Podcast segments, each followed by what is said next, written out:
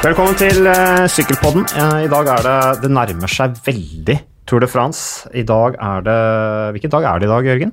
Det er torsdag. Torsdag, og Det betyr at det bare er to dager til, uh, til Tour de France-starten i Brussel. Og dere hørte Jørgen Oggedal Sundt som satt der. Jeg sier du Oggedal? Ja. Sundt, ikke sant? Ja, ikke bare Sundt. Riktig. Da Ja. blir min mor fornøyd. Ja, ikke sant? vi må få med alt her. eh, som, eh, som er gjest i dag. Eh, og grunnen til det er fordi at det er en veldig pågang fra seere på, på, av sykkel, eh, og ikke minst uh, brukere av managerspillet under Tour de France, som vil ha eksperttips. Uh, og det kan ikke jeg gi de, og dermed så har jeg invitert en skikkelig ekspert. Og grunnen til at du er skikkelig ekspert og har 100% kred til å sitte her og legge ut i det vide og breie, Jørgen, det er fordi at du vant managerspillet i fjor. Uh, og jeg møtte deg jo, jeg tror det var første jeg møtte deg, det var vel i Innsbruck da i, i VM i fjor. Da vant du tur dit pga. den fantastiske innsatsen din i fjorårets Tour de France, hvor du altså var nummer én i managerspillet. Og uh, i tillegg, vi kan jo introdusere deg litt mer, Jørgen. I tillegg så er du, du er veldig opptatt av eh, idrett. Du er sports, sportsidiot, som du skriver sjøl, men du er også politisk rådgiver i Norsk studentorganisasjon, Ja. NSO. Eh, Du er også styremedlem i Norges studentidrettsforbund, som altså i over 100 år har lagt til rette for den frivillige studentidretten i eh, Norge. Du er opptatt av idrettspolitikk, har jeg også sett. Er det noe du vil bare få ut her og nå, mens du har sjansen? Nei, jeg syns det oppsummerte det ganske bra. Det er mye idrett, eh, politikk, jobb. Eh, ja, nei, jeg syns det oppsummerte det veldig fint, jeg. Hvor er du fra, egentlig? Jeg er fra Lillehammer, så det er kanskje derfor jeg er opptatt av idrett. da. Jeg er litt bitter for at jeg var tre og et halvt og liksom ikke husker så veldig mye fra OL, mens eh, stebroren min da fikk eh, lov til å lese opp navnet på de som gikk inn. Men eh, som Lillehammer-mann så legger du selvfølgelig merke til hvordan det spirrer og gror i sykkelsporten i området du kommer fra. Nå med Tobias Foss som skal inn i Jumbo Visma, du har selvfølgelig Edvard Boasson Hagen. Det ser bra ut. Ja, det ser veldig bra ut, og jeg jobbet eh, en del somre som sportsjournalist i lokalavisen der oppe, i Gudbrandsdølen Dagningen. Eh, Og da, til allerede da så man jo at det var en klubb som fikk eh, enormt stort medlemstall. Eh, Og det er jo uansett hvilken idrett du driver med eller har lyst til å bli god i, så er jo det å ha en stor talent pool viktig. Eh, Så det tror jeg er et sånt eh, det er resultatet av å prøve å nå bredden. da, Så vil du alltid få noen som vil gå litt ekstra og trene to dager ekstra, tre dager ekstra i uka. og Dermed så får du da til slutt noen som blir ordentlig gode. og Tobias Foss, som nå har signert for Vimbo eh, Wim, Jumbo! Jumbo Visma-laget, har er jo veldig spennende og er veldig, det er veldig gøy da, for Lillehammer å få til det. Spesielt med tanke på at Oskar Svendsen, som han hadde veldig store forhåpninger, valgte å satse på andre ting i livet. Det er litt artig med Oskar Svendsen, bare for å spore helt av her fra det vi egentlig skal snakke om, som er tourmanager. Oskar Svendsen, jeg har ganske mye Jeg har sett det har vært en del artikler om han i internasjonale sykkelmedier. Jeg har faktisk tenkt å invitere han en dag på Sykkelpodden, også sammen med Truls Eng Korseth, for å fortelle liksom dette her. Eh, hva er det som gjør at et sånt talent bare plutselig sier nei, nå gidder jeg ikke mer? Så Nei, det er mye spennende vi kunne snakket om, eh, Jørgen. Men dette er en tourmanager spesial. Hvordan sette opp ditt managerlag. Eh, og eh, har du satt opp laget ditt, Jørgen? Har du liksom begynt, og du er vel ikke helt endelig i mål? Nei, og det, det kan jeg jo si, da, at det blir jeg egentlig aldri. Uh, fordi jeg pleier å lande laget mitt uh, natt til uh, Tour de France starter, sånn tre på natta.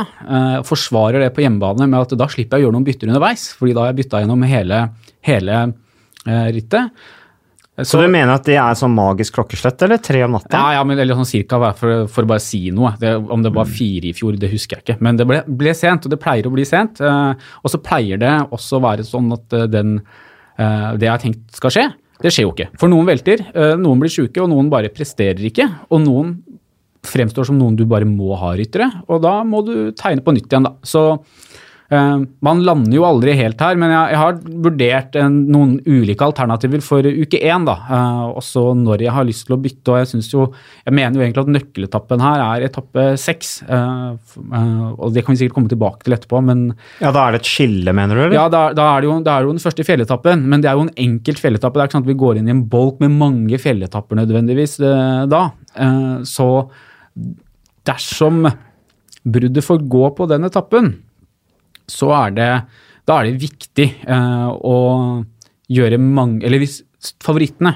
vil gjøre det bra på den etappen, da er det viktig å ha gjort mange bytter. Men hvis bruddet får gå, eh, så kan du egentlig la være å gjøre ganske mange bytter til den etappen, og da kan du egentlig la laget stå fram til eh, den individuelle tempoetappen. Ja, for jeg tenker litt sånn For, for min del, da, eh, så er det jeg er med i den ekspertligaen, og den har jeg Ja. lyst til å slå. Og jeg skriver jo også hver dag. Ja. Jeg vet at du følger litt med på Ja, det jeg skriver, og irriterer deg litt over eh, ting hvis jeg kommer med gode innspill. Ja, Hvis du kommer med gode innspill, da irriterer jeg meg. Ja, Mens hvis jeg har liksom innspill som du syns er litt sånn dårlig, så ler du litt av det, og syns egentlig bare det er bra. Jeg synes det er veldig fint når du foreslår Bob Jungels og sånt på etapper som, som i fjor. Da, da blir jeg glad, for, og det er jo rett og slett fordi jeg vet at eh, kanskje 90% av de som spiller dette spillet, de vil jo basere seg mye på tips fra andre. Eh, og da vet jeg at eh, Bob Jungels, han vil mange ha. Uh, jeg, og da er det jo basert på at jeg er fornøyd med det, fordi jeg tror ikke på at han kommer til å gjøre det godt på den etappen, f.eks. Uh, I tillegg til at uh, jeg vet da hvilken rytter jeg skal unngå å velge for å ha, gjøre noen forskjell på de andre. For du kan jo ikke gjøre som alle andre. Du må gjøre noe Noe må jo du gjøre annerledes for å vinne. Ja. Ja, du må ta noen sjanser Ja. Òg. men eh, men eh, i forhold til eh, Altså, jeg, jeg nå, kommer jeg litt mer konkret inn på, på, på selve spillet, og sånt etter hvert, men bare sånn for å ta litt i de store linjer. Eh, når jeg setter opp mitt managerspill, så tenker jeg ok, nå er det om å gjøre å spare byttene Ja. lengst mulig. Det tenker jeg, for at de, de, kommer så godt unna. Ja, De siste par årene så har jeg faktisk hatt en del bytter igjen, Ja. og det har jeg vært litt sånn stolt av, men det er jo også litt irriterende, da, for at det kunne jo ha skåret enda mer. Men jeg tenker litt sånn, nå, nå, årets Tour de France deler litt sånn inn i bolker. Du har fram til, jeg tenker litt sånn som deg, fram til etappe seks. Da er det La Planche de Belfi, første fjelltoppavslutning. Uh, og så på en måte uh, Eller, eller fram til morgenen La Planche de Belfi, tenker jeg. Ja. Da er det masse bytter. For da, da må du bare pumpe på med, med, med, med klatrerytter. Men det som er vrient med årets Tour de France, er jo at det er så utrolig sånn variasjon i løypa. Ja, og, og bare sånn, sånn som jeg, da, i mitt eh, Excel-skjema som jeg lager, så jeg har skrevet etappe seks fjell, men så har jeg skrevet etappe sju flat. Etappe åtte eh, er det en punch-etappe igjen. Eh, etappe ni punch, spørsmålstegn. Etappe ti flat, og etappe elleve flat, og etappe tolv fjell. Og etappe 13 tempo. Så i det segmentet der så kan du gjøre veldig mange bytter, og det er da jeg mener at eh, det er jo en del sånn flat punch i uke én også, og derfor så blir den etappe seks Hva du velger å gjøre til den, kan avgjøre mye her, da. Eh, sånn, det er ikke bare et lag du starter med underveis, da. Så du har helt rett. Det å lage bolker, det har jeg alltid gjort selv. Og jeg mener at det er kjempelurt å ha en tanke om at du skal spare bytt. Um, men i år så tror jeg det er ekstra vanskelig å lage bolker utover her. da. Eh, spesielt i den eh, andre uka, eller slutten av første uka og starten av andre uka blir, er vanskelig. Siste uka er jo ekstremt hard, da, med gjen, altså flere Ja. fjelletapper som kommer etter hverandre. Eh, og egentlig så er det ganske lett å velge spurter f.eks. til Champs-Élysées. Eh, hvis de kommer seg over fjellet, Ja, ja, hvis de kommer dit. Eh, det er en utfordring. Men bare litt tilbake til eh, liksom, den fasen du er inne i nå, Jørgen. Du sier det at det blir sene kvelder, eller du legger deg seint. Hvordan er bobla di for Hvordan er bobla til en managervinner? Altså, hvordan er livet ditt de neste tre ukene? Eh, livet de neste tre ukene det er, eh, det er en følelsesmessig berg-og-dal-bane. Uh, stort, uh, stort sett preget av nedturene. Det er liksom motsatt av berg-og-dal-bane. Nedturene varer fryktelig lenge, og oppturene er veldig kort. og Det har jo med det at jeg har en god kamerat av meg som heter Eirik Jokerud, som jeg diskuterer dette veldig nøye med. Hvem vi skal bruke, og hvordan vi analyserer etappene, og hvem vi tror kan gå i brudd. Ok, Så du har dannet et lag rundt deg? Nei, Med han spiller jo også. Han er også veldig god og var veldig uheldig i fjor med et valg han gjorde. Um, hadde Nibali, tok inn uh, Nibali og Berain Merida, sportsdirektøren, og så uh, blir jo Nibali feid i bakken på den etappen. Åh, ja. Ja, det er sånn det er- Etter at alt gikk så bra med han. ja, Egentlig. Ja, og, og sånn som vi eh, Sånn som jeg liker å si, da. Du, du kan gjøre dette spillet mindre flaksbasert, men det er jo en del uflaks og flaks. Og det er jo typisk en ting som hender som bare er uflaks. Og du kan aldri gardere deg mot det. Um, men bobla nå det er å snakke mye med han og lese informasjon. Hva sier andre eksperter? Eh, For da må anerkjenne det at eh, jeg tror ikke jeg kan mest om sykkel. Eh, Jeg tror ikke jeg kan um, ha den innsikten da, som folk som får følge dette, har som jobb å følge dette hver dag har. Men jeg prøver å samle informasjon eh, og bearbeide den. da, Lage Excel-skjema eh, som jeg driver med, utvikle det litt, finne ut hva ryttere koster. Eh, og så prøver jeg å finne ut hvilke Altså, de smålagene de har ofte en eller annen gullkalv hvert eneste år. Én rytter som plutselig står som hjelper, som er med i hver massespurt og blir topp seks. er det noen av de i år. Men jeg syns det ser vanskelig ut i år å finne de, men, men det, er sånn, det er bobla, da. Og da er det jo å hele tiden tenke Tour de France. Og nå, eh, så nå er det jo å sykle fra, hjem fra jobb hver dag, og så er det når man kommer inn på litt sånn tryggere veier, kanskje sette i én ørepropp, og så prøve å høre hva folk sier på ulike podkaster og sånt eh, mens jeg sykler hjem, da. Mm. Bruke hver anledning til å hente informasjon. Det er, eh, det er, intenst, og det er som du sier, det er uh, følelsesmessige oppturer og nedturer med managerspillet. Uh, og, og, og, faren er at man kommer til slutt bare gir opp. Ja. Og bare gir blaffen. Det skjedde med meg i fjor. Ja, men du vant jo. Ja, men jeg hadde Det var én etappe. Det var den etappen hvor um, hvor uh, Edvald Boasson Hagen, uh, hvor man trodde han skulle gjøre en veldig god spurt, uh, og ble nummer 37 eller noe sånt. Det mislyktes jo totalt. da hadde jeg Kalmershan inne på laget mitt, tok han ut for Edvald. da hadde jeg ikke Excel-arket, jeg var på vei til hyttet på hyttetur og hadde snakket med Eirik på telefon, diskuterte mens min samboer kjørte. Hun var litt irritert over at jeg ikke la fra meg dette spillet. Altså, og gjorde, prøvde å finne ut da, om det lønte seg å sette inn Edvald uh, og ta ut Kalmershan. Uh, men da var sånn, beregningen var nesten at Edvald måtte vinne. omtrent. Uh, det var en kjempedårlig avgjørelse, og jeg hadde ikke regnearket mitt når jeg tok den, så jeg var kjempesur og irritert på meg selv. Og, så du tok den bare på magefølelsen? Jeg tok det litt på gefühlen der og da.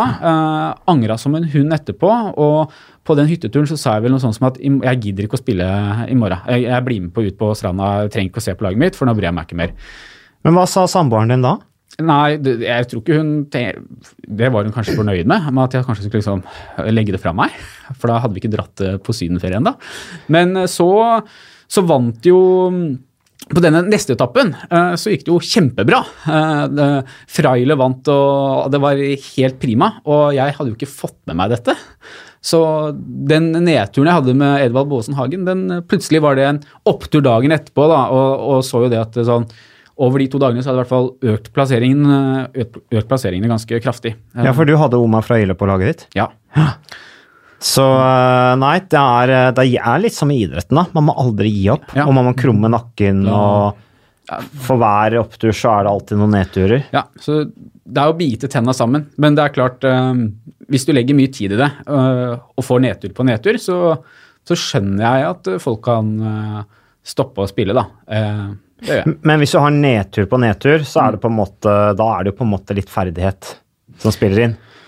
Ja, ja hvis du har mange nedturer på Det blir jo litt sånn stang ut ja, og uflaks, ja, så det, det blir jo litt sånn oppbrukt til slutt, da. Ja, jeg er enig i det. Du, du, har ikke, du, har ikke, konstant uflaks. Du, av og til så gjør du dårlige vurderinger.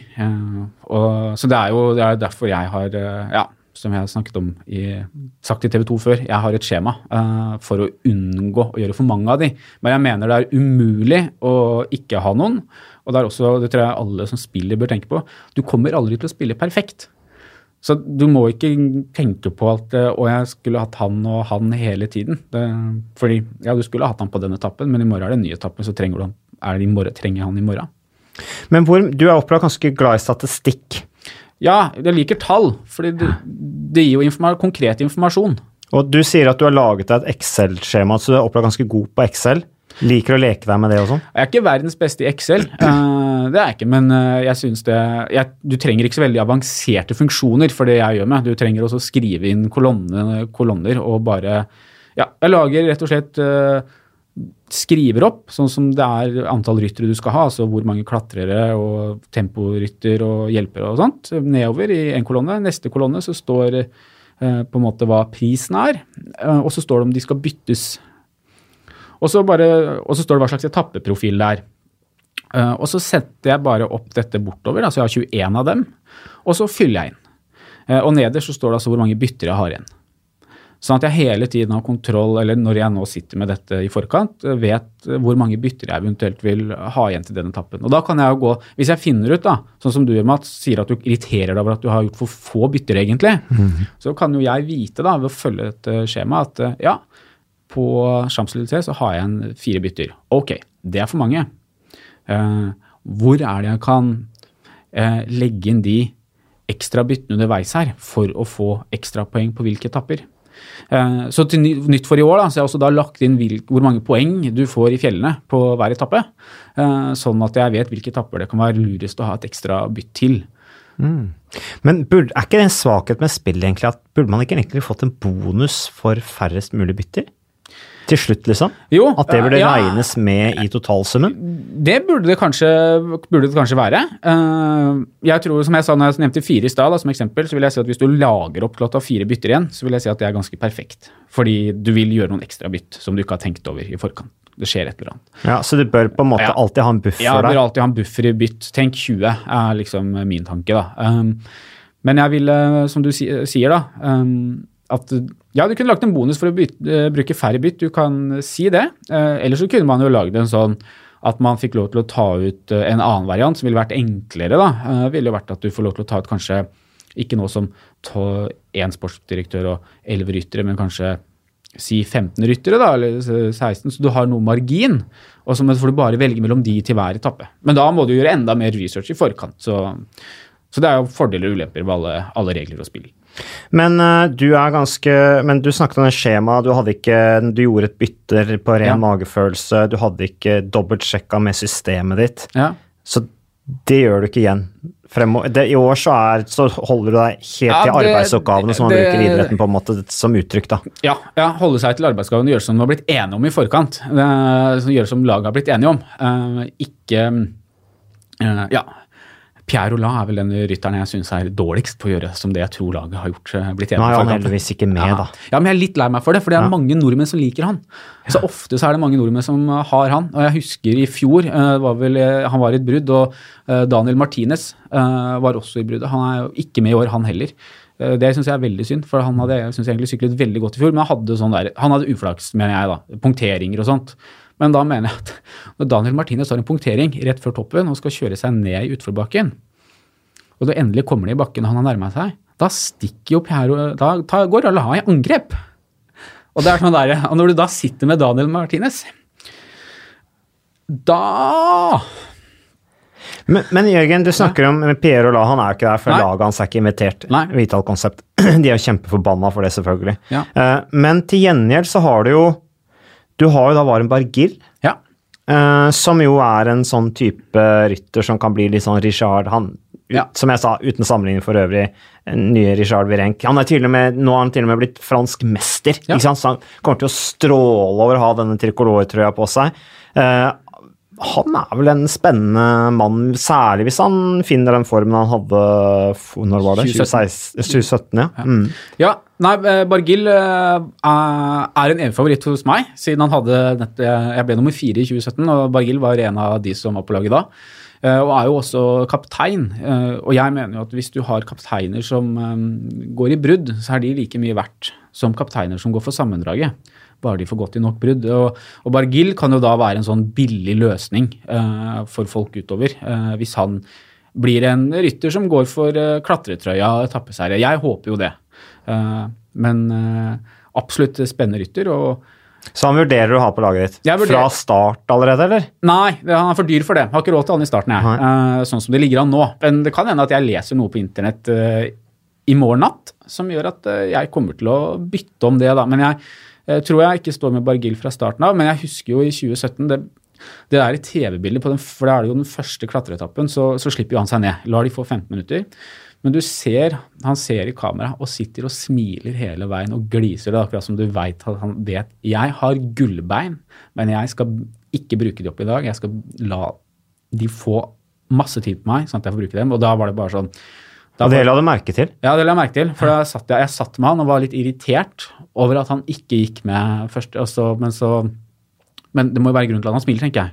For vanligvis når du ser eh, gode klatrere slite på første dag i Tour de France, eh, så er de ikke veldig blid. Nei, da tar du de ut av laget, Ja, ja, da tar du ut av laget. Men da var jeg litt sånn Nei, han skal jeg beholde.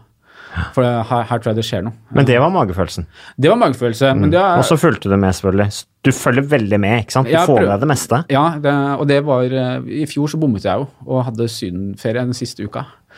Men allikevel så vant du jo. Ja, jeg har en, eh, jeg har en forståelsesfull kjæreste eller, og samboer ja. som lot meg få lov til å eh, sitte på kveldstid og fikle med laget. Fikle med det i forkant før stranda, og på stranda så da måtte jeg jo ty til eh, det jeg hadde, eh, og det var da altså å høre på radio. Ja. Og, og lese oppdateringer underveis på, på nettet da, om hvordan det går. Men nå i år, da? Skal du på ferie i år, eller? Nei, år, eh, i år skal jeg jobbe hele tiden, så Ja, da får du satsa skikkelig, da. da får jeg Ja, jeg vet ikke, det skal jo ikke følge med så for mye på jobb, men vi får se om det kanskje blir en skjerm i bakgrunnen. Det er litt rolig på jobb i juli, er det ikke det? Ja, vi det er, det er rolig de to Ikke denne uka her, som nå er, vi er jo inne i juli allerede. Og så er det ikke rolig mm, fra og med ja, 20, rundt 20, altså det som vil bli siste uka av Tour de France, så tror jeg ikke det er så rolig. Men uh, imellom der så skal det i hvert fall eh, ikke være så mange på kontoret. Så da er det i hvert fall færre som kan forstyrre deg med uplanlagte arbeidsoppgaver som må gjøres. Mm. Men eh, hva med de på kontoret, da? De spiller ikke managerspillet? Eh, de spiller, og ja, i går, hun som er ny leder av NSO, hun ville at jeg skulle lage sånn liga. Fordi hun, eh, vi skulle vedde da om hvem som var best. Eh, og så sa jeg det fordi hun hadde Hun visste jo ikke hvordan jeg hadde gjort i fjor. Og det var en annen kollega også som heter Stian. Eh, Marte er ny leder, forresten. Marte Øyen. Og vi Så Stian hadde sagt at han skulle være med. da. Så sa jeg til Stian at hvis du vinner, da skal jeg spandere over meg, så skal jeg spandere en konjakk til deg som er firesifra.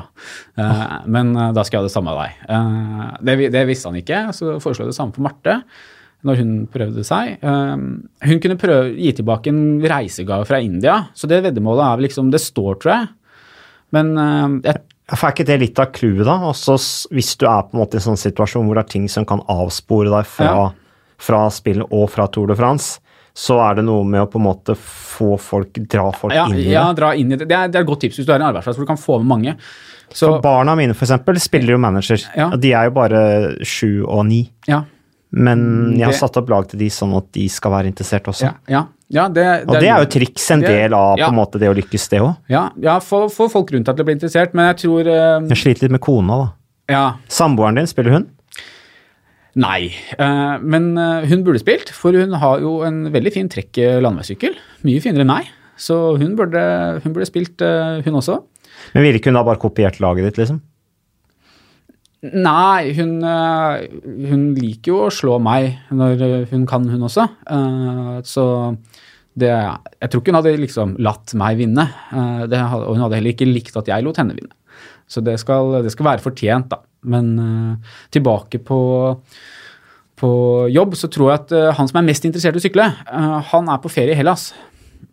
Så å lage noe på jobb Vi kan kanskje lage et internliga, men Um, jeg har ikke så mange venner som vil være med og ha sånn buy-in-liga med meg lenger. Nei, for at du er, liksom, du er så god. Ja, eller jeg, Mest sannsynligvis så vil jeg stikke av med en pengepremie, og siden jeg, siden jeg i hvert fall ty- er eh, ja, har selvtillit nok da, på at jeg tror jeg kommer til å gjøre det bra, så vil jo jeg ofte prøve å pushe den buy-in-grensa også. Så, så det er ikke så mye av det lenger, men eh, eh, det gjorde jo ikke noe i fjor, fordi da kunne jeg følge med på den hovedligaen. Ja, for det er jo den som er gjev for deg. Altså å slå kollegaene dine og familie og sånn, det er liksom ikke så gøy. Det er jo å vinne hele greiene som Det er der du setter standarden nå. Du har, du har en fjerdeplass, og du har en førsteplass. Ja. Eh, Så når du liksom ligger der oppe i toppen såpass stabilt, så regner jeg med det går for gull i år også. Ja, det var, det var en periode på vårparten her hvor jeg vurderte om jeg bare skulle legge opp. Si at den er fe- altså sånn, det, jeg maksa det i fjor, følte jeg, og følte jeg vant kanskje en av de kuleste premiene vi har hatt på veldig lang tid. Eh, Selv om det er fet premie i år også, men eh, jeg syns det også å få reise til VM og på en måte være med på noe sånt var ekstra stas, da. Så mm, jeg tenkte litt på det, men så er det som du snakket om, da. Det kommer den bobla. Det dukker opp artikler. Og, så, en ting er hvem som er tatt ut i laget, men så kommer det fra TV 2 og VG og hvem du bør ha på managerlaget ditt. Og så ble jeg ringt av TV 2 selv. Da følte jeg at eh, da må jeg i hvert fall prøve litt, da. Eh, Så, og når du først er med, da vil du jo vinne. Da, da er det ikke noe sånn da, da, er vi, da er det det som gjelder. Ja, du, det, ikke sant. Det, det er ikke, du er ikke Du deltar. Det, ikke, det viktigste er ikke for deg å delta. Nei, Nei. Det, jeg jobbet jo som lærer i fjor, og det prøvde jeg å lære elevene mine òg. At eh, det viktigste er ikke å delta. Eh, Den eneste grunnen til at det er viktig å delta, er at eh, du kan ikke vinne hvis du ikke deltar. Men det er, unnskyld meg, ingen som sitter og husker hvem som syntes det var gøy å spille yatzy hjemme, og så syntes det var gøy å bli nummer tre. Nei, det viktigste, med, det viktigste er ikke å delta, men å finne ut hvor standarden ligger. Ja. Så du har noe å strekke deg etter, så du Ja. kan bli bedre. Ja. Så, så ja, nei, så jeg er ikke med bare for å delta. Jeg er med for å vinne. Men Jeg innser jo at jeg har hatt eh, to veldig gode år, år med marginer mye med, da. Selv om jeg underveis føler at alt går imot, så er det jo når du teller opp til slutt, så har det vært marginer med. Eh, og eh, jeg har vel et sånn litt avslappet forhold til det i år, om at det kanskje ikke blir like mange, mye marginer med i år, da. Men det sier jeg i forkant, og underveis så kommer jeg til å banne høyt og tenke stygge tanker om ryttere som er i bruddet, som absolutt ikke skal være der. Serg Powells, du kan slutte å spille det spillet, sånn at du alltid er med i brudd. Og så kommer jeg til å klage over de rytterne jeg har valgt ut som ikke er der.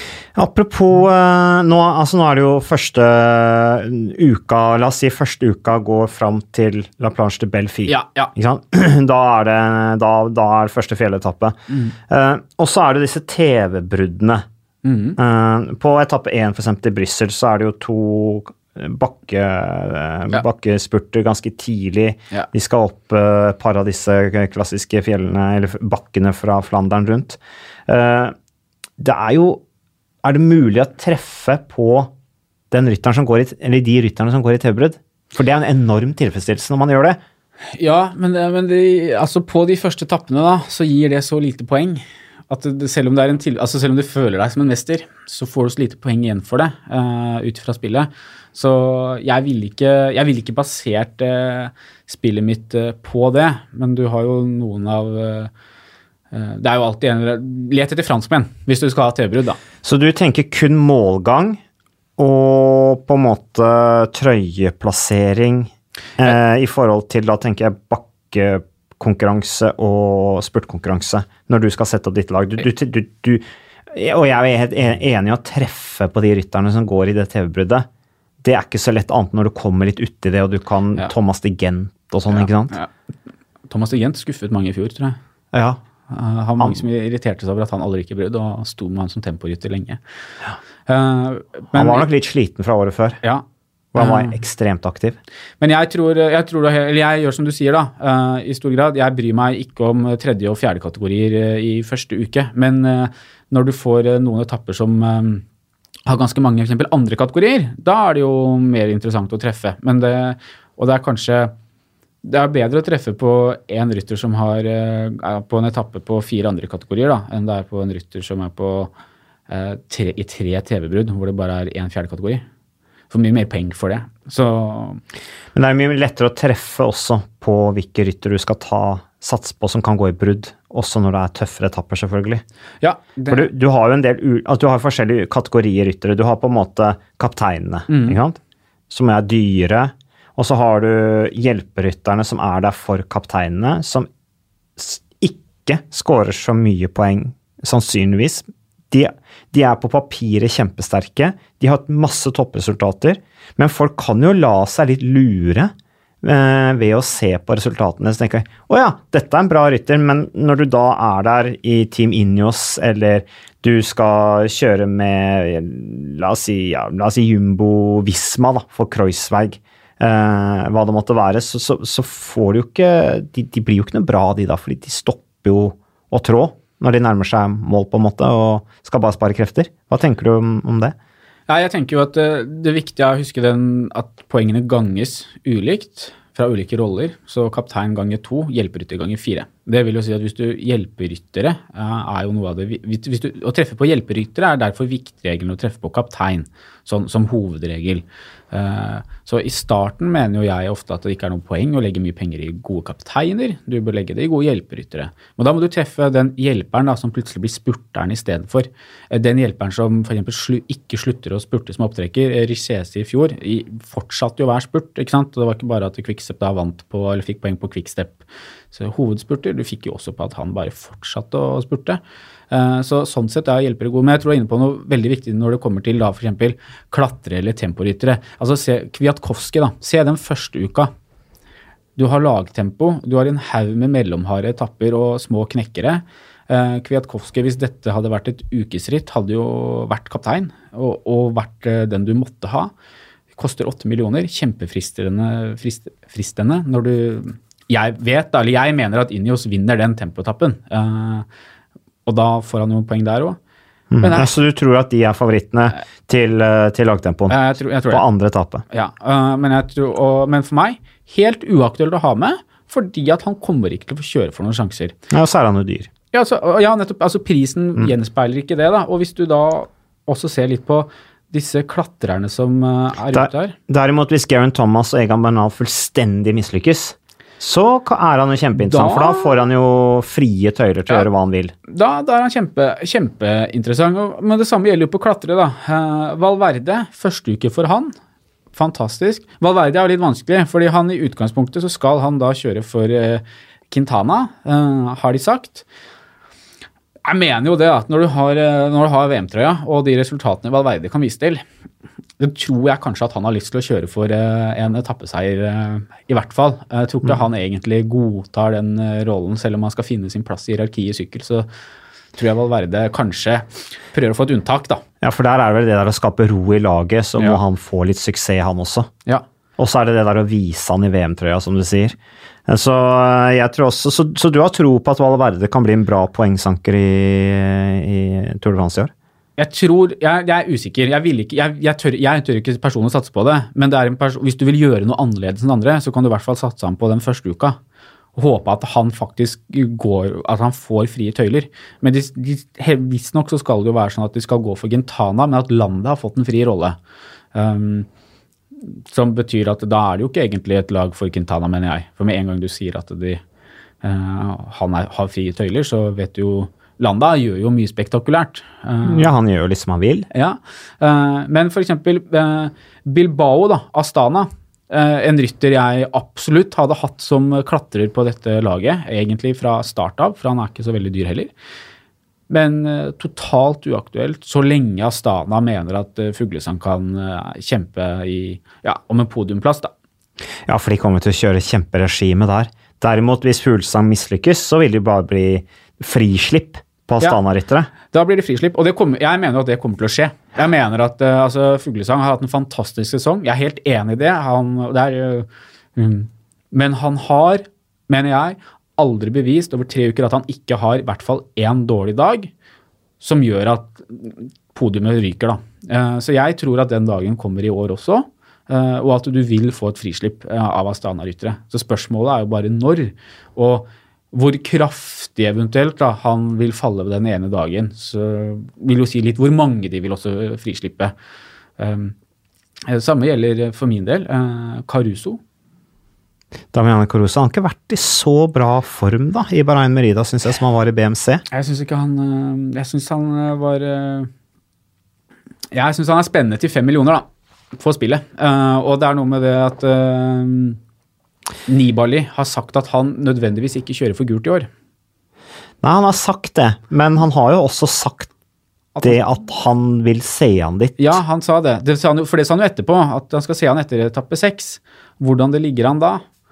Uh, så, men jeg mener jo at egentlig at Nibali blir mer interessant hvis han sier at han ikke går for gul.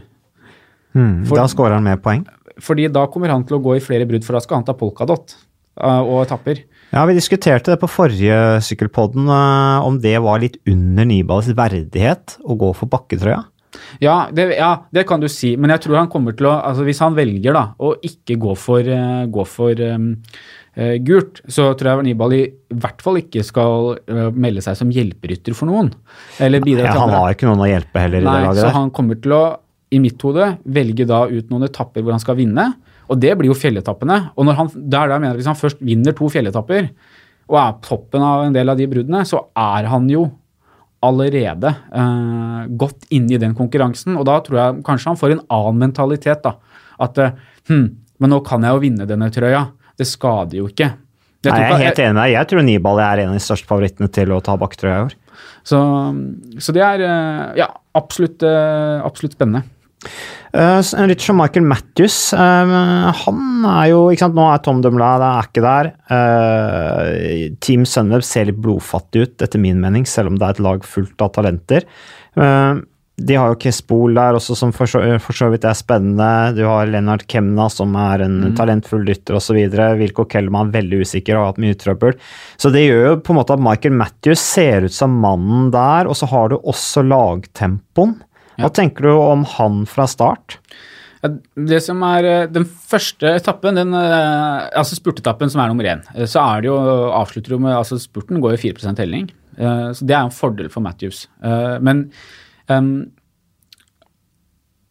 på spurter så får du ganger to poeng, da. Og jeg mener at jeg tror ikke Altså Michael Matthews og Sunweb tror jeg vil gjøre det Jeg tror Sunweb vil gjøre bra lagtempo. Jeg tror de fort er topp tre.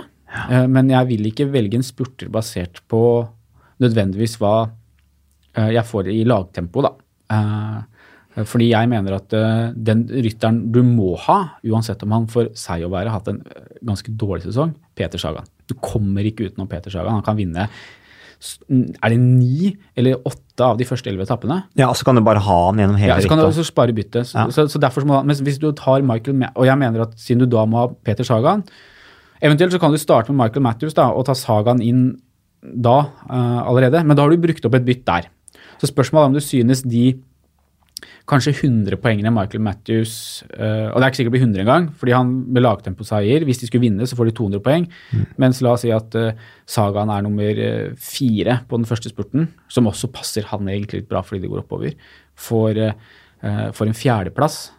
og så tempoetappen hvor det blir forskjell. Ja, si 100 til 150 poeng forskjell det henter sagaen igjen da, i løpet av resten av uka, uh, tror jeg. da. Uh, så jeg, For meg er ikke Michael Matthews en mann jeg vil satse på uh, før det blir mannefall blant spurterne.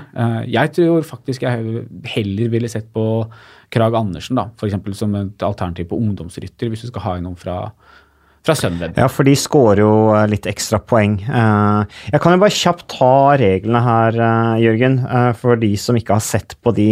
Så kan du bare spille inn hvis det er noe du vil legge til der. Altså, Du får poeng da for ditt lag basert på hvordan rytteren og sportsdirektøren din presterer i løpet av disse 21 etappene. Du har 25 overganger. Du kan endre laget helt fram til etappen starter. Og det er ubegrenset da med bytte fram til rittet starter på lørdag.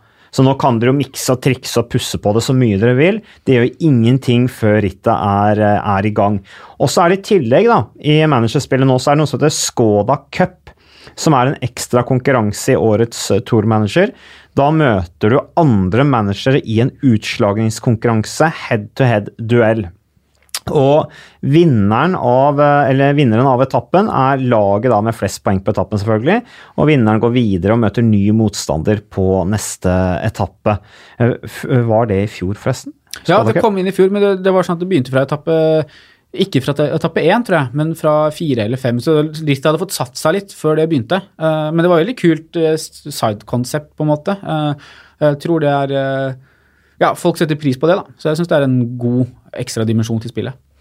Som da, da har dere Skoda Cup i tillegg. Og så er det konkurransen da denne Skoda Cupen fortsetter slik at det står en én vinner til slutt. Det er vinn eller forsvinn.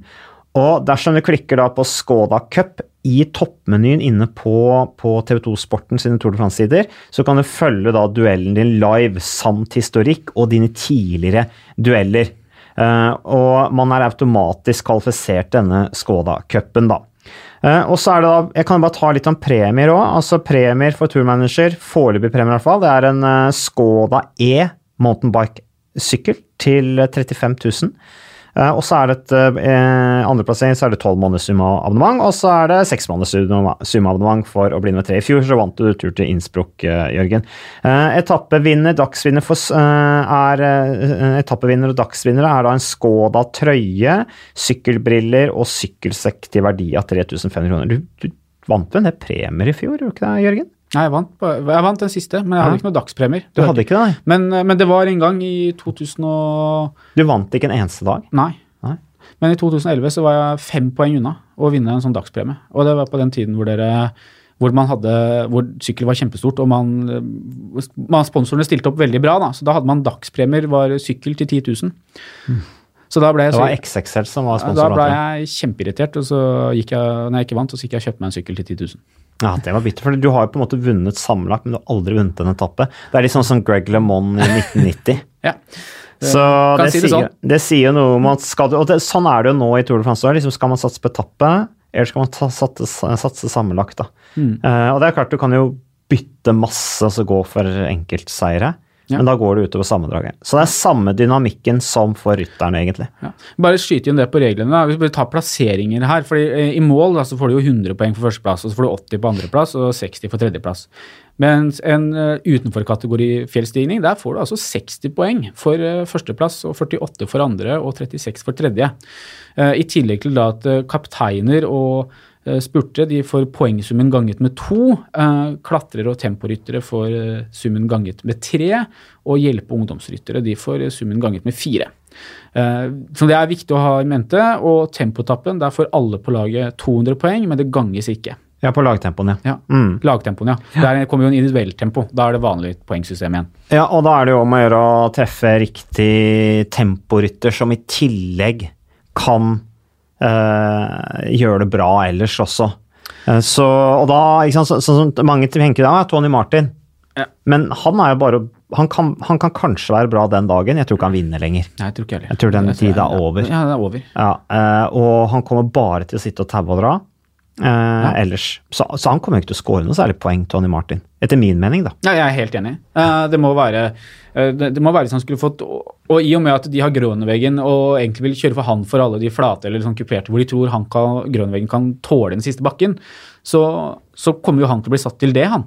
Så han kommer ikke til å være noe brudderytter. og Det er jo stor forskjell fra sånn som i fjor, hvor uh, Primus Roglic var uh, temporytter. eh, hvor, eh, hvor feltet som spilte Tour-manager, var, ofte, var delt her da, mellom stå med Primus Roglic eh, hele veien eller ha Thomas Digent.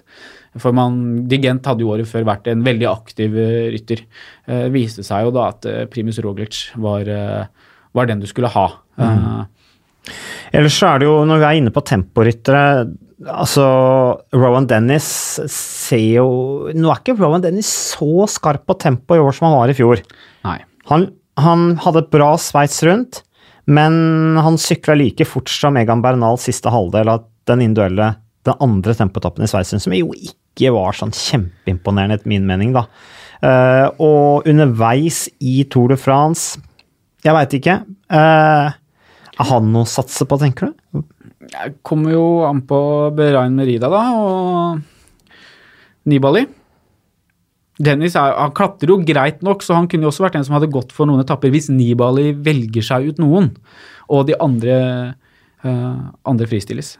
Men uh, det, han er Jeg er ikke sånn Når jeg ser på temporytter i år, så er jeg egentlig litt skuffa, fordi det er veldig få der jeg har lyst på, uh, sånn til å ta poeng. Jeg faktisk synes altså eh, Greg van Avermaet skal jo egentlig spurte, men hvis ikke så er det Bevin som spurter for CCC. Så det er jo en mulighet, da, at han, at han får spurt og er nummer topp topp ti eh, en og annen gang. Kan hjelpe deg. Bevin er luring. Ja, så han, Jeg syns jo han er mye mer aktuell enn Tony Martin, da, og koster jo mye mindre. Uh, personlig så er jeg også litt spent på Feline. Faber Feline. Sykler for et lag som egentlig ikke har veldig mye Altså trekk, det trekklaget Det er ikke Nei, det er blodfattige greier, for å bruke det uttrykket igjen. Altså, all respekt for Bauke Mollema og Chicone og sånn, men de har jo kjørt eh, Giro nå. Hvor mye har de igjen i beina nå? Ja, altså, jeg, jeg tror, jeg tror Mollema og, og Chicone de er der for Richie Port. Og jeg mener Det virker jo som uh, Trekk er ganske tydelig på at de skal sykle for eh, Richie Port, eh, og at de har tatt ut et lag basert på det. Eh, jeg vet ikke om jeg syns det er så lurt, basert på hva Richie Port har vist dette året, og hans eh, historikk i Tour de France. Eh, mye knall og fall. Men Fabio Feline for meg er i hvert fall en som kan få lov til å gå, kanskje, i starten. Jeg tror ikke Chicone eller Mollema får det, for de skal være klart i fjellene. Men Feline får kanskje lov, hvis Trekk innser at de ikke kommer til å få noe gult trøye med han. Jeg er enig med Feline, altså, for han har klatra knallsterkt bl.a. i Spania rundt. Ja. Sittet der med Contador og Ja. greier. Og så har han en, en frekk spurt. Ja, så jeg tror, jeg tror også det altså, så Jeg tror han kan få stikke på de i starten, og jeg tror han kan få lov til å få spurte for dem også. Jeg tror han får lov til å være med i massespurtene og sitte der framme uh, i starten. Og det er jo et par sånne etapper uh, tre og fem hvor han kan være med i da, et eventuelt brudd. Hvis Trekk sier, eller innser, mener jeg, da, det laget gjør dumt i å satse alt på Richie Port. Felino, hva slags kategori rytter er han? Han er temporytter. Ja, nettopp. Jeg mener at han er en av de mer spennende i den kategorien, da. Uh, ellers så har jeg eh, faktisk satt Iv Lampard, det. som Ja. temporytter foreløpig, da. Ja. Nå har jeg jo ennå god tid, ikke sant. Det er jo veldig ålreit. Sånn, første gang du Ja. setter to, Ja. to lag, så bare så plukker du inn, liksom.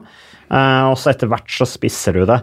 Men jeg har satt inn han fordi at eh, eh, Nå kommer han helt sikkert til å kjøre for uh, Viviani på etappe 1 og ikke score noen poeng der. Ja. Uh, men så har du lagtempoen. Der tror jeg Quickstep kommer til å gå all in fordi at det er på hjemmebane. Og hvis Viviani vinner første etappe, så skal de forsvare trøya. Mm. Og de har Henrik Mass. Så det er liksom tre grunner til å gå all in på den lagtempoen. Og det er ganske kort lagtempo òg. 27 km. Ja, det er noe sånt. Ja. Så, og da litt teknisk, det passer de der The Cunning Quickset-gutta bra, for de er eksplosive. eh, gode teknisk osv.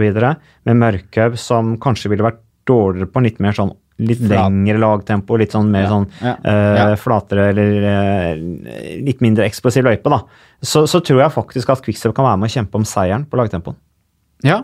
Jeg, jeg, Jeg vet ikke om du er enig med jeg, meg jeg er ikke helt uenig, jeg, men jeg har ikke fått sett den løypa nøye nok. For jeg mener at hvis jeg kunne valgt ryttere fra helt fritt fra quickstep, så eh, tror jeg de har eh, noen temporyttere de mangler, som kunne vært med, eller som kan være med å kjøre en sånn løype. Men, men de har jo bevisst, de har vært veldig tydelige på at eh, de har vært veldig harde i selekteringen. Askren, ikke sant? Ja. For eksempel, da, som Ja. er god temporytter. Ja. Uh, men eh, jeg, er jeg er spent på om de vil Jeg mener de ikke er like gode på lagtempo som de kanskje kunne vært i fjor. Eh, da gjorde de det veldig bra, hvis jeg ikke husker feil. Uh, og så har de Men jeg er spent på de, uh, og jeg skjønner hvorfor du går for uh, rytteren du gjør. Men jeg er litt usikker på om Viviani kommer til å vinne så mye eller ta så mange poeng som han tror. For jeg vet ikke om jeg synes han jeg synes det er, det er Gråneveggen som skiller seg ut da, når jeg tenker på de raske, men jeg tror også Juen er, kommer til å vinne mer enn Viviani. Ja, for det er jo de tre som særlig er eh, Som på en måte peker seg ut som de beste spurterne i feltet. Eh, Så Groneveggen, Juen og, og Viviani. Eh, Men så har du en annen spennende spurter, da. Eh, italieneren Matteo Trentin, som, eh, som sykler i Mitchelton Scott. Ja. Han er jo også en type rytter som vil kunne score poeng i, i ganske mange typer terreng, tenker jeg. Ja. Eh, og også kanskje en rytter som kunne vært interessant med tanke på den grønne trøya. Ja, i hvert hvert fall første uka. Og ja, jeg tror jo Michelton Scott de kommer til å kjøre De kommer også til å gjøre det bra på lagtempo. De, de har jo pride i seg til det, på en måte, altså stolthet på det. Og så tror jeg Så jeg er helt enig. Jeg, jeg har ikke sett noen som på en måte snakker mye om uh, tourmanager uh, på Twitter og sånt, som ikke har Trentin inne på laget. Så eneste minus med det, da, å ha Trentin inne på laget, det er at alle nuller ut hverandre. Altså, altså jeg, Det hjelper ikke at jeg har Trentin på laget mitt hvis alle andre har Trentin på laget sitt. De poengene er jo da Det blir de poengene det blir. Ja, Det blir jo litt sånn jernteppe, da. Ja, Eller sånn ja, ja. terrorbalanse. Ja, ja, terrorbalansen. Så, men det betyr egentlig at du har Men jeg er helt enig, er, eh, og han står jo uh, som hjelperytter eh, på dette spillet. Så selv om han koster sju millioner og er dyr, så er det absolutt en rytter man uh, bør vurdere, da, hvis man skal eh, lykkes i starten her. Foreløpig så har jeg bare valgt sånn eh, Altså, i den, på det første uttaket mitt så har jeg altså valgt fullstendig ukjente hjelperyttere. Bortsett fra han ene, da, som er Haga, eh, Ja. amerikaneren i, i Sunweb, som jo vant siste tempoetappen i Italia rundt. Ja. Han har jeg inne som hjelperytter. Litt sånn kjedelig, men han kan i hvert fall være med og gjøre det bra på lagtempoen, tenker jeg. Mm. Eh, ellers tror jeg ikke han scorer noe særlig poeng annet enn kanskje på den individuelle tempoetappen, hvis han har noe krutt igjen i beina etter Italia rundt. Men ellers så har jeg liksom Amy Aimee de Gent.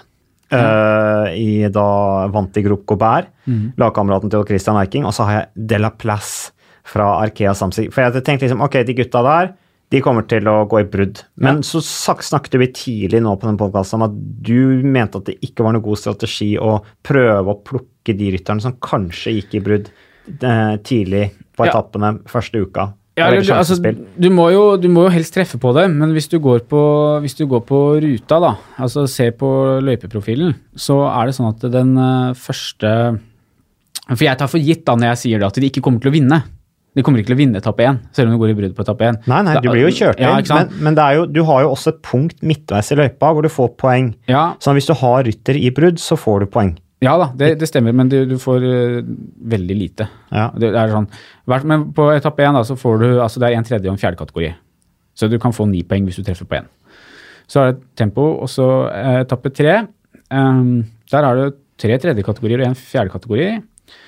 Uh, etappe fire, to fjerdekategorier. Uh, men det er liksom på etappe fem, da, hvor det er to andre kategorier inn i bildet og to tredjekategorier. Altså hvor, du får, hvor det blir litt, der er det også litt lettere å finne ut hvem som kan være i det bruddet, tenker jeg.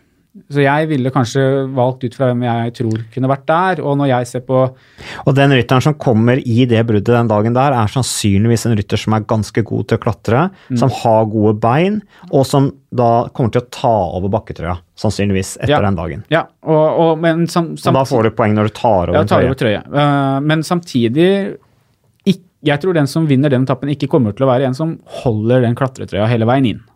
Nei. Jeg tror uh, Nei, for er ikke, den er ikke så rå, den etappen. Det er altså nei. fire kategoriserte stigninger, en tredje og to andre og en tredje. Mm. Uh, så, uh, og så kommer da etappe til La Planche de Belfi, som er den første ja.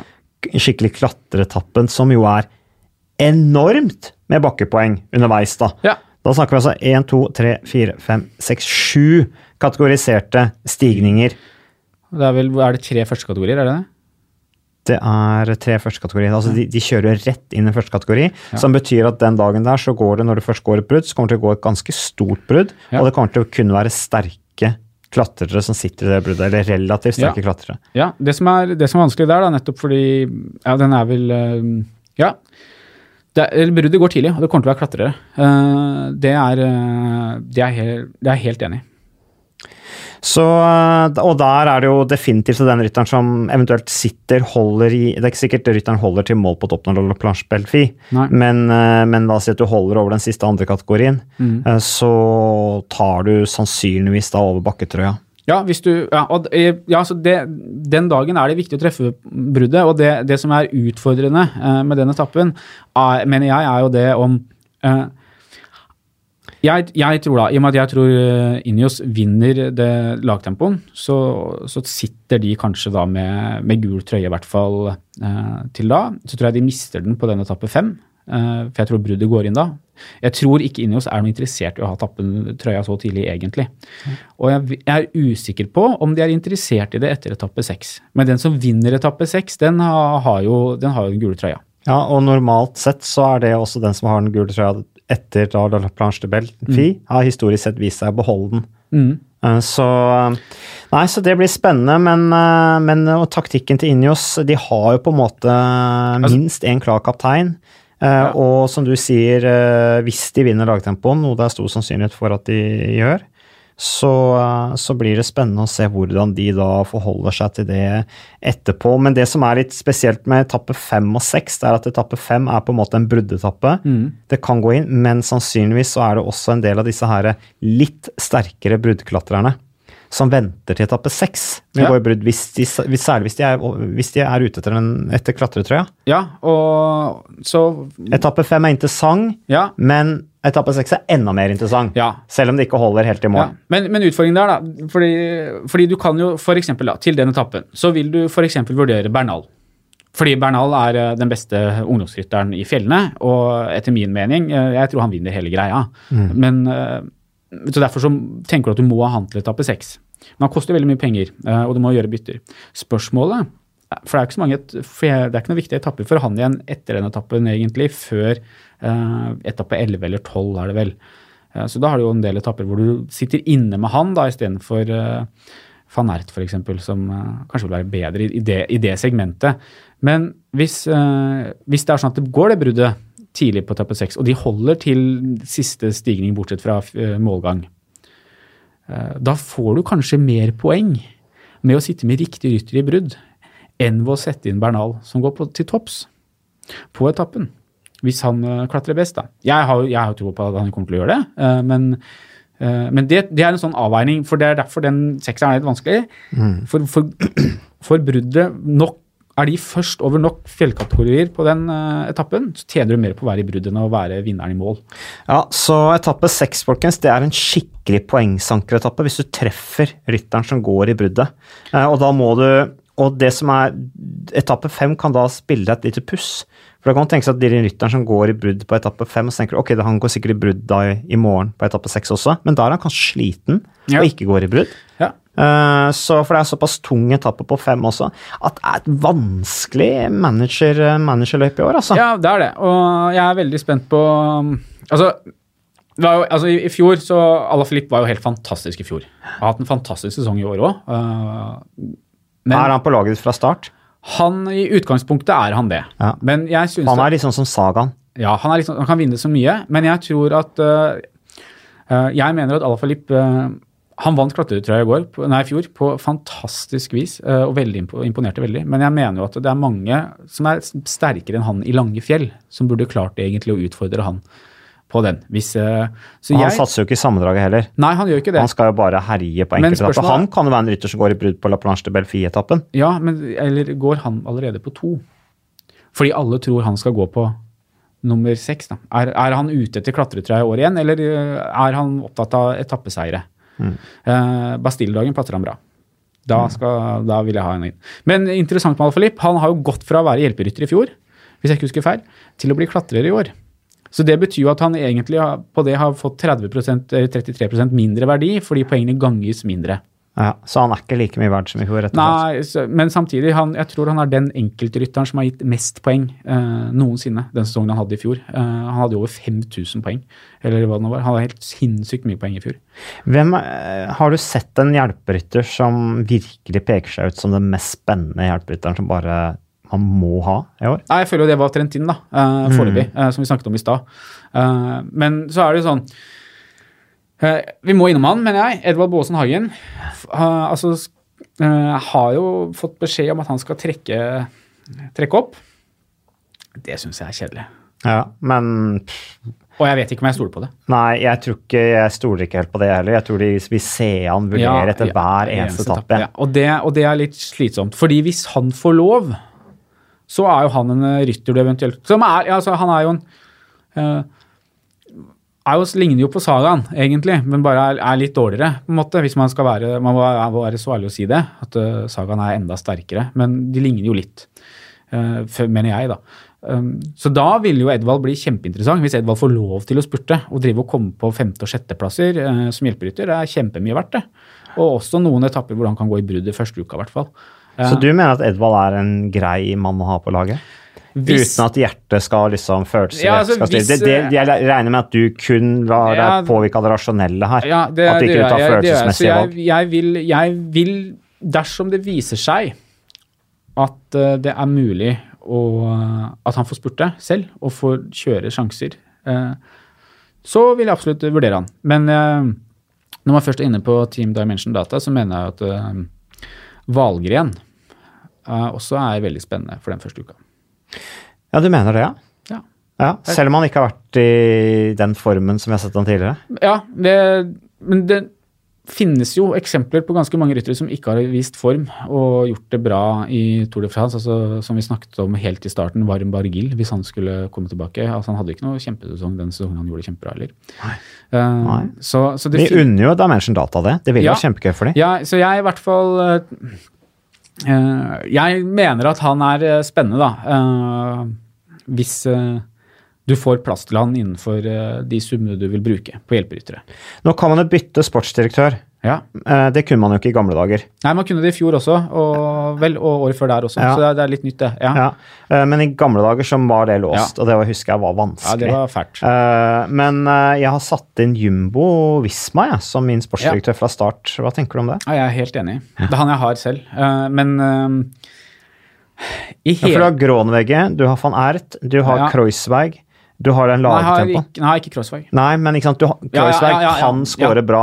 Så, så. Jumbo Visma, sportsdirektøren, kan på en måte bare bli på laget, min mening, da. Ja, han, han kan bli lenge. Ja, jeg er helt enig. Han er en av de som kan være hele veien. eh, men, men du har Altså, det kommer litt an på hvordan Kreuzweig gjør det. For hvis Kreuzweig eh, skal plutselig være i sammendraget, så vil det jo si at de kanskje får lov til å gå i, min, i mindre sannsynlighet for å gå i brudd, da. På de mellomharde etappene. Uh, mens f.eks. Quickstep Der, altså uh, Quickstep jakter antall seire. ja, de, det er det de bryr seg om. Så Sånn sett er jo det en sikkerhet. Ellers så er det jo altså Jeg mener, og jeg angra på det svært i fjor, selv om det gikk bra, Det er helt grusomt å sitte med noe annet enn sportsdirektøren til Peter Sagan. Uansett hvilket lag Peter Sagan er på. Mm. Uh, så du tenker litt at du skal ha Bore Hansgro inn som sportsdirektør? altså? Ja, etter hvert. Kanskje. Enten det eller Quickstep, men jeg er usikker på når. Men jeg skal starte med Jumbo, og så skal jeg, fordi det mener jeg er riktig i starten. Og så vil jeg se an hvordan det går med, med en del uh, av de andre, da. Før uh, Ellers er førsteuttaket mitt veldig preget av Bore Hansgro, faktisk. Ja. Eh, Peter Sagan er inne på laget mitt fra start. Ja. Patrick Konrad har jeg satt inn som klatrer, for han er billig. Første Ja. uka, veit alle hva som skjer. Eh, De er der med et lag som jeg tror er ganske åpent i forhold til Ja. hvordan de kommer til å kjøre. Jeg tror de kommer til å velge en offensiv taktikk, ta hver Mm. dag som kommer. Og så har jeg Buchmann faktisk som kaptein, pga. at han er billig. Eh, Og så mener jeg at han kan være spennende første uka, Ja. eh, blant annet opp La Planche de Belfi. Ja. Jeg syns Altså, Buchmann har gjort en, hatt en kjempesesong. Eh, så absolutt et, eh, en, eh, en jeg ville vurdert. Føler Bora egentlig har et spennende lag, for jeg mener også at de ikke har Jeg tror ikke de har, eller jeg håper i hvert fall, at de ikke har noen som kommer til å kjøre for sammendraget. Det er vel ut altså Det kan jo at Buchmann velger å gjøre det, men jeg håper jo at han ikke gjør det. Men Det er også et lag som kan stikke om bakketrøya. ja, og så har du altså Sjakkmann. Kjempesesong. Jeg vurderer han. Eh, men jeg vet ikke om jeg får plass til han. Uh, er vel klatrer. Eh, nei, ungdomsrytter er han. Eh, så det, men han er også en jeg vurderer. eh, og bli, men det blir jo liksom mot van Ert og Bernal og, og de gutta der. Ja, for jeg har van Ert inne som Ja. ungdomsrytter på laget mitt nå. Ja, det- Jeg tror at han kommer til å få litt friere tøyler hvis han har beina og har lyst. Ja. På teknisk avslutning, man plutselig kan klinke ja, til, ja, ja, ikke sant? Altså, altså, jeg må si det, da. Vanligvis eh, så du har jo Du får deg eh, jeg er så glad i sykkel da, at jeg får meg favoritter som nødvendigvis ikke er norske. Eh, det er sånn som Peter Sagan, som For han, han vinner jo selv når han ikke vinner. altså Da drar han en wheelie, og så vinner han publikum på det. Så er det mer fokus på den wheelien han dro eh, opp fjellet når han ble i 77, enn hvem som vant den fjelletappen i California rundt. Altså, han er, jeg mener han er en av de få idrettsutøverne som er verdt pengene i forhold til når du ser på måte, hvor mye lønn de har. Da. Så tenker jeg at Peter Sagan, Hvis jeg skulle startet et lag, så er det sånn. Jeg sånn Ja, for han får oppmerksomhet han får alltid oppmerksomhet. Han klarer å gjøre de riktige tingene ved å være seg selv. Men uh, i år så er den, altså den rytteren jeg gleder meg mest til å se, det er van Ert. Jeg gleder meg så enormt mye. Altså, og Caleb Ewan, kjempegøy at han skal mm, liksom, ha debuten sin i Tour de France. Men altså van Ert, det han gjorde eh, når, i Paris-Roubais, hvor han altså faller og slår seg så mange ganger, og det er ut på igjen og prøver å jakte, og kommer jo nesten opp igjen og klarer det nesten. Det var helt sinnssykt. Mm. Ja, det var rått. Det var rått. Tempoet han, altså. tempo han nettopp hadde. Altså, og det tekniske der Nei, jeg, jeg gleder meg så mye til å se han, da. Eh, så jeg skal ha han på laget mitt, rett og slett. eh, jeg, det er basert på fakta, men det er også basert litt på hjertet. For jeg har så lyst til at han skal gjøre det bra og være så morsom å se på, da. Som jeg tror han er. Jeg har kommentert mye sykkelcross de siste par år nå, eh, så jeg har på en måte blitt kjent med han gjennom sykkelcrossen. Han har fått så mye bank òg, men han tålmodig, så bare kjører han videre, ikke sant. Eh, Men, eh, men er, vi, vi må jo bare ta prate om det, selv om det er vondt å snakke om, Jørgen. Så, så føler jeg liksom vi må snakke litt om det. Og det er, jo, det er jo fælt å innrømme det, men når du virkelig blir inn i det managerspillet, så er det nesten sånn at du ikke gleder deg over norske seire. Fordi at, fordi at du har ikke han nordmann på laget ditt, så du blåser på en måte i det. Ja, det, Har du følt det sånn litt også? Ja, jeg føler det. Jeg har følt det i alle år siden jeg har spilt, og jeg har spilt tror jeg, siden det kom ut. Uh, så, uh, Og det er jo egentlig ikke lov å si. Nei, det er ikke det. Og det, det har vært uh, noe unntak, eh, kanskje spesielt for Edvald, da, i og med at han er like fra der jeg er ifra. Og når eh, jeg Så du klarer å glede deg over Edvald, selv om du ikke har han på Ja, spesielt eh, når jeg jobbet eh, selv i lokalavisen eh, der oppe, eller regionsavisen, og fikk eh, gleden av å på en måte reise hjem til Edvald, eh, til foreldrene og snakke med de rett etter at han vant. Og, og denne, det var jo spesielt. Det var fantastiske dager på jobb. Det var, og vi rydda plass på førstesida, det var liksom det, det, det er fantastisk. Men i utgangspunktet så tenker jeg det. Jeg har samme følelse. Jeg bryr meg ikke om de norske, og jeg vurderer egentlig uh, de norske til å ha liten sjanse ofte, og enda verre du, du blir nesten så slem at du tenker at det ikke gjør noe hvis noen faller ut av rittet og du vet at mange rundt deg har dem, eller at de punkterer. Altså, du Ja, blir- fordi at de lar hjerte og følelse styre, mens ja, nei, men, ja, eller, sånn, Ja. eller hvilken som helst rytter. da. Hvis f.eks. noen andre skulle ha f.eks. da eh, Chris Froome. Så nå er ikke han med, da, så bruker han som eksempel. Og jeg ikke har Chris Froome. Og alle rundt meg i spillet har Chris Froome. Og han punkterer eller et eller annet som gjør at det går dårlig for han, som gjør at det går dårlig for dem, betyr jo ergo at det går bra for meg. Og da merker jeg at da blir jeg sånn egosentrisk eh, Skadefryd. skadefryd og, og, og rett og slett drittsekk som tenker yes når noe fælt skjer med andre. Og det, og det er jo det som er synd med spillet, for det skal man jo egentlig ikke gjøre, mener jeg som et menneske. da. Men det, den medmenneskeligheten forsvinner litt, rett og slett, når jeg er i bobla. Ja, men du går jo selvfølgelig ikke ut på Twitterer og skriver det var bra at Chris Room velta og sånn.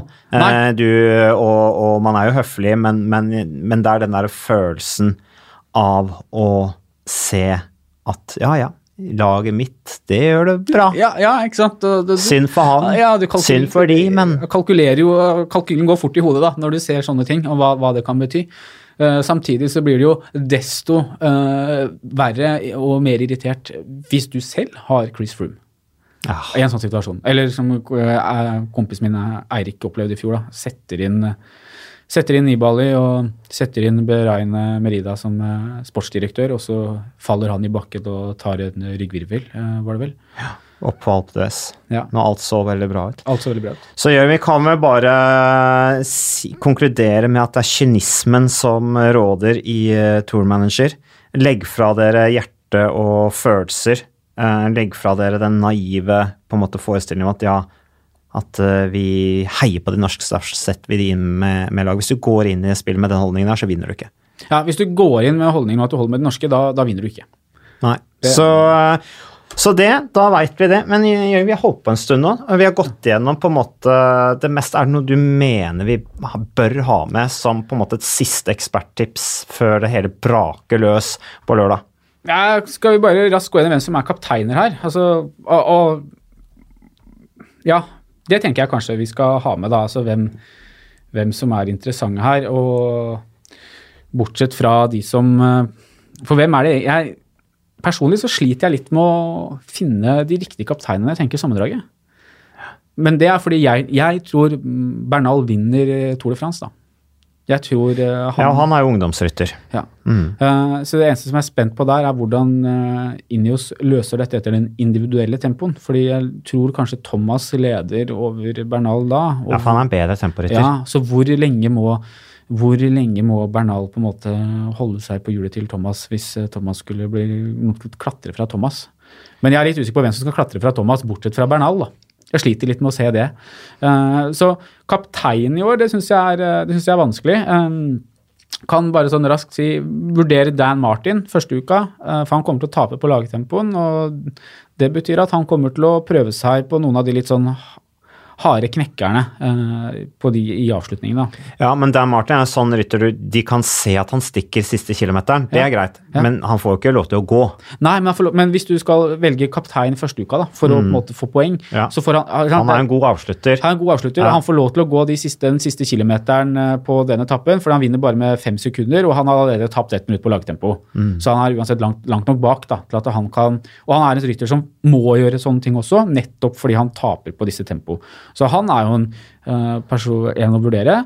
Du har Yates, Uh, ikke fordi at jeg tror han kommer til å gjøre det uh, superbra nødvendigvis, men Han ja, har en skarp avslutning, han Skarp avslutning på de, på de korte, eller de etappene med knekkere i starten, i, og klatrer bra, så det er ikke sikkert du må bytte han ut. Han ligner jo egentlig veldig på Dan Martin. Ja, ligner, Uh, bare litt bedre på tempo, Ja. og har et mye bedre tempo, lagtempolag, så han vil jo ligge mye bedre an etter lagtempoen. Eh, I tillegg til da at hvis eh, Trentin hopper og skal sprette litt i spurtene, så kan han du drysse noe få poeng på det også. Mm. så, men eh, ellers så syns jeg det er vanskelig i år å peke seg ut noen eh, ordentlig gode lagkapteiner. Jeg har latt litt sånn hjerte og følelsen styre valget av kaptein, for jeg har satt inn Kreuzweig jeg, Ja. som kaptein på på en måte foreløpig laguttaket mitt. Ja. Og Grunnen til det er fordi at jeg bare hadde så respekt for det Kreuzweig gjorde på Alpe d'Huez-etappen i fjor. Som jeg har snakket mye om. Ja. Altså den rytteren med, med mest mot, da. Uh, og mest guts i fjorårets Tour de France, det mente jeg var, var han på akkurat den etappen der. Men, uh, og han har jo femteplass og fjerdeplass i sammendraget fra fjorårets Tour de France og Spania rundt. Mm. Så jeg tenker at han fort kan havne på pallen, men så er liksom spørsmålet Skårer han noe særlig poeng underveis? Jeg er, litt usikker på det selv, men han skårer på lagtempoen, da. Ja. Ja, så, og, og det er jo en sånn, som du sier, altså, jeg tror han er god nok da, til at du kan stå med han på etappe seks også, og at det ikke er noe problem. Og- så han er absolutt noen, uh, noen man kan vurdere. Uh, Jeg syns jo Mas fra Quickstep er litt spennende. Henrik Mas, Ja. Mm. Jeg tror kanskje han får lov til å gjøre litt ugagn. Jeg tror ikke han vinner. Han er jo på sånt lag hvor man gjør ja, ugagn. han, han får gjøre ugagn, og jeg- men jeg lurer på altså, altså, gjør ugagn ikke bare fra laget sin side, men fra feltet sin side. For det er jo to, det er jo to momenter, to komponenter og variabler som må på plass her. Du skal få lov av laget ditt til å gjøre ugagn, og så skal du jo få lov av feltet til å gjøre ugagn. Og det er jo ikke alltid samstemmer. Men jeg er spent på han. Ble jo to i Spania rundt da i fjor, Ja. sammenlagt. Ja, så han er i hvert fall Han kommer inn til en pris til 7,5 million. Ja. Det er billig, da. Så derfor så mener jeg at man eh, bør vurdere han, og så eh, Han var svak i Sveits rundt nå, syns jeg. Ja. Da hadde han ikke noe punch i det hele Nei, tatt. men uh, Men, men. Det kan ha endra seg, det nå. Dårlig, dårlig generalprøve gir jo av og til gode Ja, for det var ikke noe spesielt sterkt felt i Sveits rundt heller, Nei. bortsett fra Bernhal. Ja. Uh, og det kan jo være en grunn til at man overvurderer Bernhard også. Men men ja, jeg, er litt sånn, jeg vet ikke hvordan Thomas sin sesong egentlig har vært. Jeg er ikke Krasja i Dauphiné også, litt sånn Ja. Ja, i Sveits rundt, mener du? Ja, Thomas, ja. Mm. ja og vært litt sånn uh, ulykkes, ulykkesfull tidligere også, så det er litt sånn er det, Ja, bortsett fra fjorårets Tour hvor Ja, han bare var erkesolid hele veien. Ja, men, det, men er, var det unntaket fra regelen? Eh, Er vi tilbake til regelen nå, eller, eller har han klart å kvitte seg med det? Jeg er litt spent på det. Men kapteiner i år syns jeg er vanskelig. Og ja, Ja, Froome velta jo ut av Tour de France året etter at han hadde vunnet første gangen. De sier jo at liksom, det er vanskelig å forsvare Tour de France etter første året du har vunnet det, men så så- blir det lettere når du har vunnet det to og tre ganger, da. ja. Eh, Så eh, nei, så det Nei, men Jørgen, jeg uh, syns dette her var artig, og eh, du har kommet med mye bra refleksjoner her. Du setter jo ting veldig i system. Du har dine systemer som du har bygga opp, din infrastruktur med Excel-ark osv., som du er veldig tro mot. Det er på en måte dine verktøy som du sier nå at du skal ikke vike fra de denne sesongen her. Ikke la hjerte og, og følelser styre. Ha fokus hele veien. Eh, Skap deg noen samtalepartnere som du kan diskutere dette her med. Og så ikke minst bygge et lag rundt seg i hverdagen, sånn at hvis du er på jobb, at du får da dratt kollegaene dine inn i dette her, så dere har fokus på Tour de France og managerspill, og ikke jobben. ja. Og, og, Og, og ikke minst kona og kjæresten din og familie, alt sånt. ja. Dra de inn i dette her, sånn at de, sånn at de ikke forstyrrer deg i arbeidet. Gjør det. Og hjelp Det som kan være lurt, da, for at, de ikke, for at de ikke skal miste interessen, så hjelp de kanskje helt fram til uke to. Til og med uke to. Sånn at de er, gjør det sånn tålelig bra.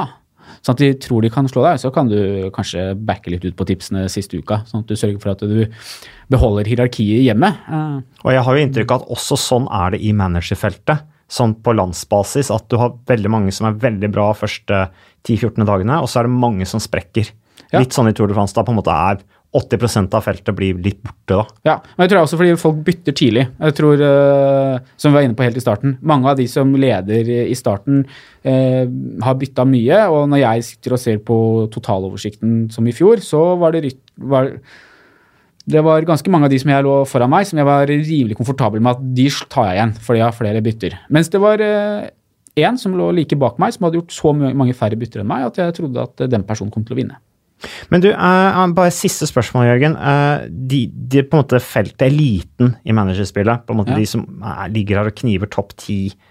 Er det noen av de du kjenner igjen, som du nå veit hvem er? Er det sånn at dere veit hvem dere, hverandre er? Følger dere med på hverandre? Jeg kjenner ikke så mange, men jeg kjenner jo Eirik. Og vi, han har vel en del uh, topp 20, topp 10, han også. Uh, så han er på en måte, han kjenner jeg fra før av. Vi studer, drev på med studentradio sammen i Bergen. Så det er på en måte, det er min sparingspartner, da. Uh, men eh, så klart, eh, når den er, jo mer sosiale medier man bruker og og sånt, og jo flere som, av de som spiller som kommer seg på sosiale medier, jo bedre kjent blir man jo. da, så Jeg merker jo det nå at det er egentlig ganske mange hyggelige og gode diskusjoner om hvem man bør vurdere. eh, og lite sånn tilbakeholdenhet av eh, informasjon eh, i starten. Ja, for det er litt sånn som i spillmiljøet, sånn jeg tenker ellers så har de sånne guruer, ikke sant. Ja. Og at dere har veldig respekt for hverandre, og, men det er ikke sånn veldig sånn kjent ennå miljø nei, for tror- hverandre. Nei, men jeg tror også det er fordi at man kanskje ikke Man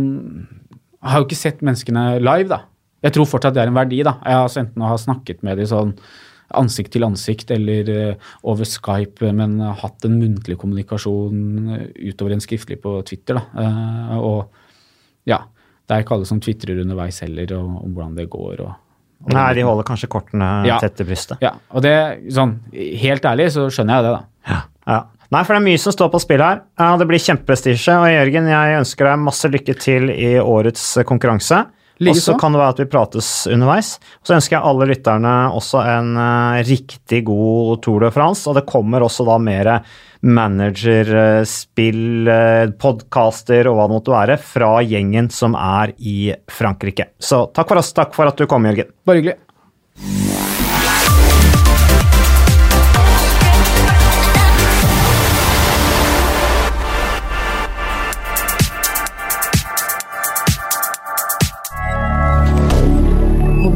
Canada.